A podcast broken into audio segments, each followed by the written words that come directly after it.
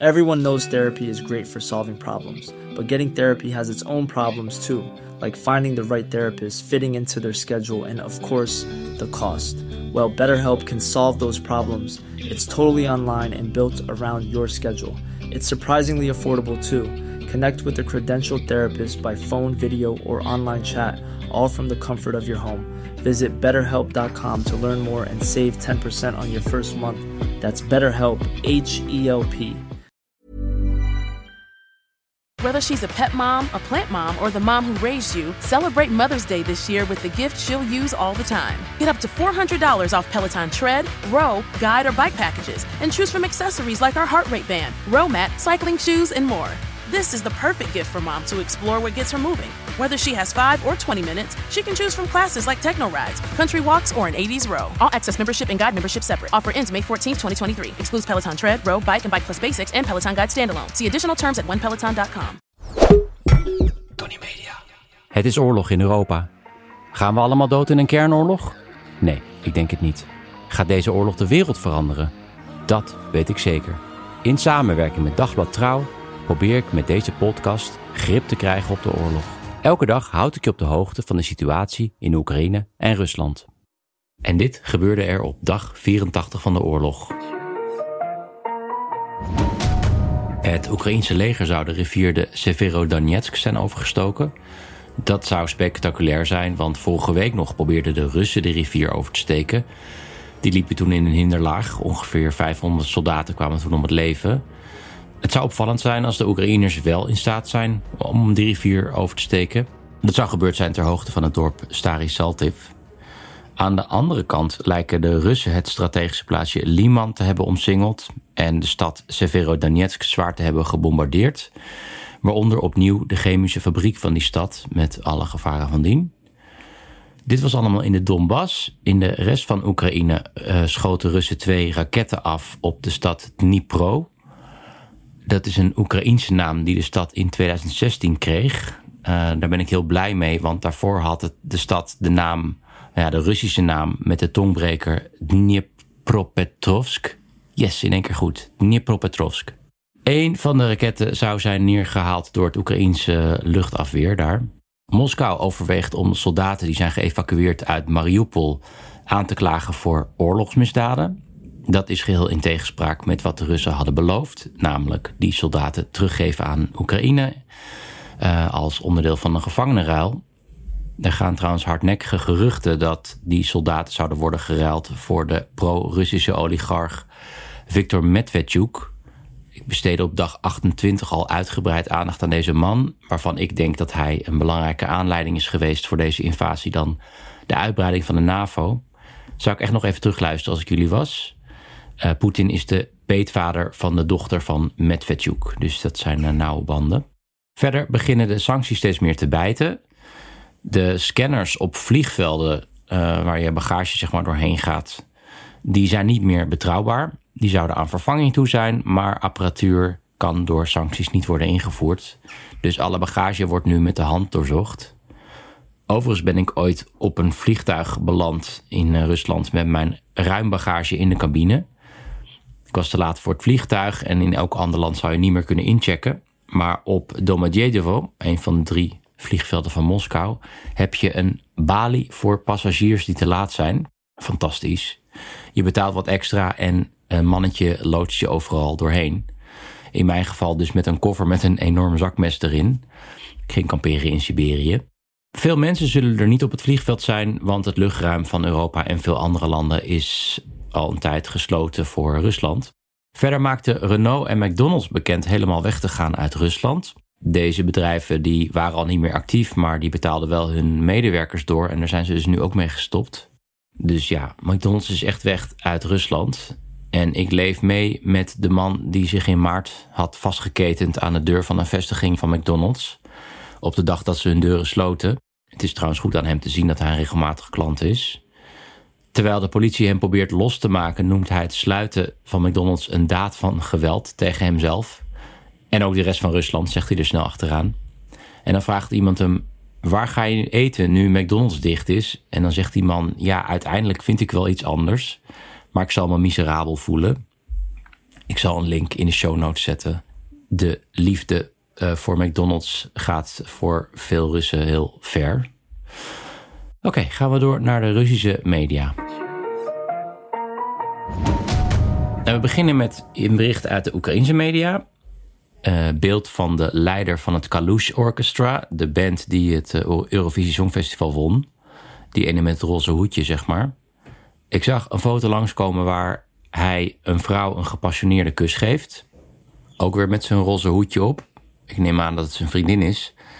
Hij is dan net aangekomen in Kiev, maar over een paar dagen vecht hij alweer aan het front. En iemand had eronder gezet dat hij een makkelijk doelwit zou zijn met dat roze hoedje op.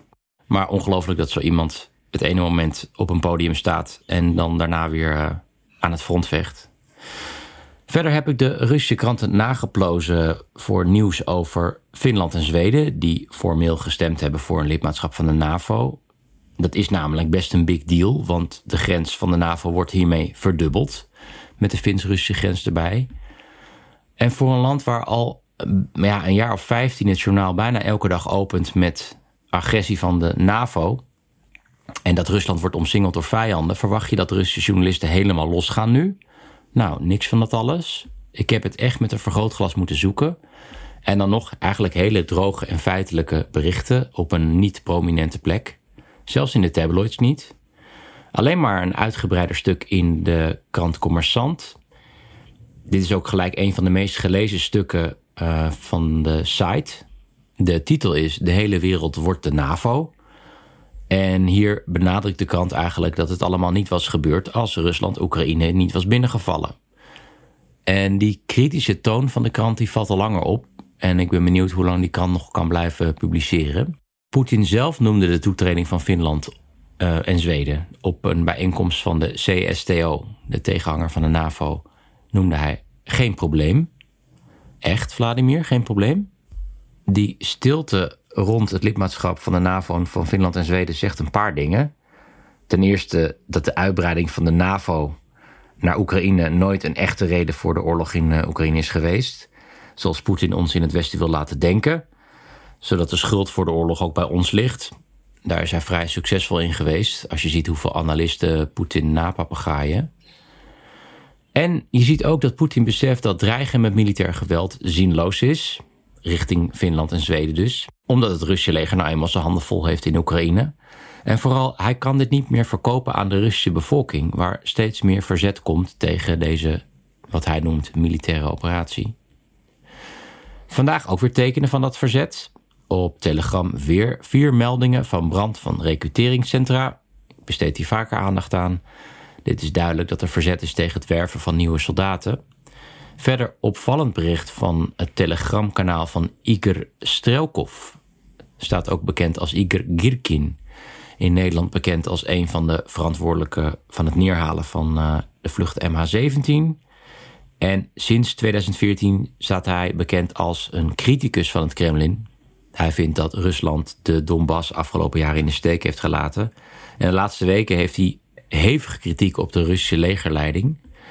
Hij meldt dat in de Volksrepubliek Donetsk meer soldaten doodgaan door friendly fire, dus door hun eigen kogels en granaten, dan door Oekraïnse soldaten. Dat zou weer een teken zijn van volstrekte incompetentie van het Russische leger.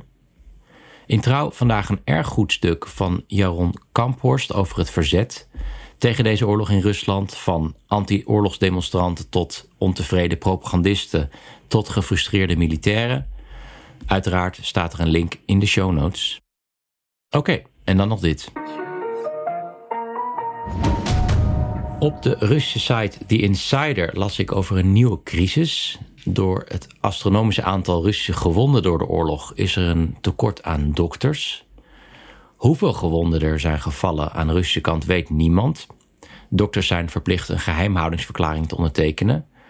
Maar de verhouding gewonden-doden is in een oorlog normaal 3 op 1. En die insider die neemt dan 10.000 doden voor de rekensom. 10.000 doden is een conservatieve schatting overigens. En dan kom je neer op 30.000 gewonden. De insider meldt dat artsen aan het begin van de oorlog op een, en hier moet je aanleidingstekens bij verzinnen, gedwongen zakenreis naar het grensgebied van Oekraïne moesten. Met andere woorden, ze moesten onder dwang werken in ziekenhuizen in steden die grenzen aan Oekraïne om gewonde soldaten te behandelen. Verschillende artsen melden uh, het dreigement te hebben gehad dat ze hun baan zouden kwijtraken als ze dat niet zouden doen. Artsen die zijn vooral afkomstig uit Moskou, dus daar is nu ook een tekort aan dokters. Dat wordt daar aangevuld met vrijwilligers die een versnelde opleiding krijgen. Er waren juist duizenden van dit soort vrijwilligers aan het werk in Russische ziekenhuizen vanwege de corona-epidemie. Maar die zijn half maart ontslagen vanwege de afname van uh, het aantal coronapatiënten. Dus toen de oorlog al in volle gang was. En nu proberen ze uit alle macht die vrijwilligers weer terug te krijgen. Grote problemen zijn in de reguliere zorg, maar ook bij militairen. Er zijn gewoon simpelweg te veel gewonde soldaten.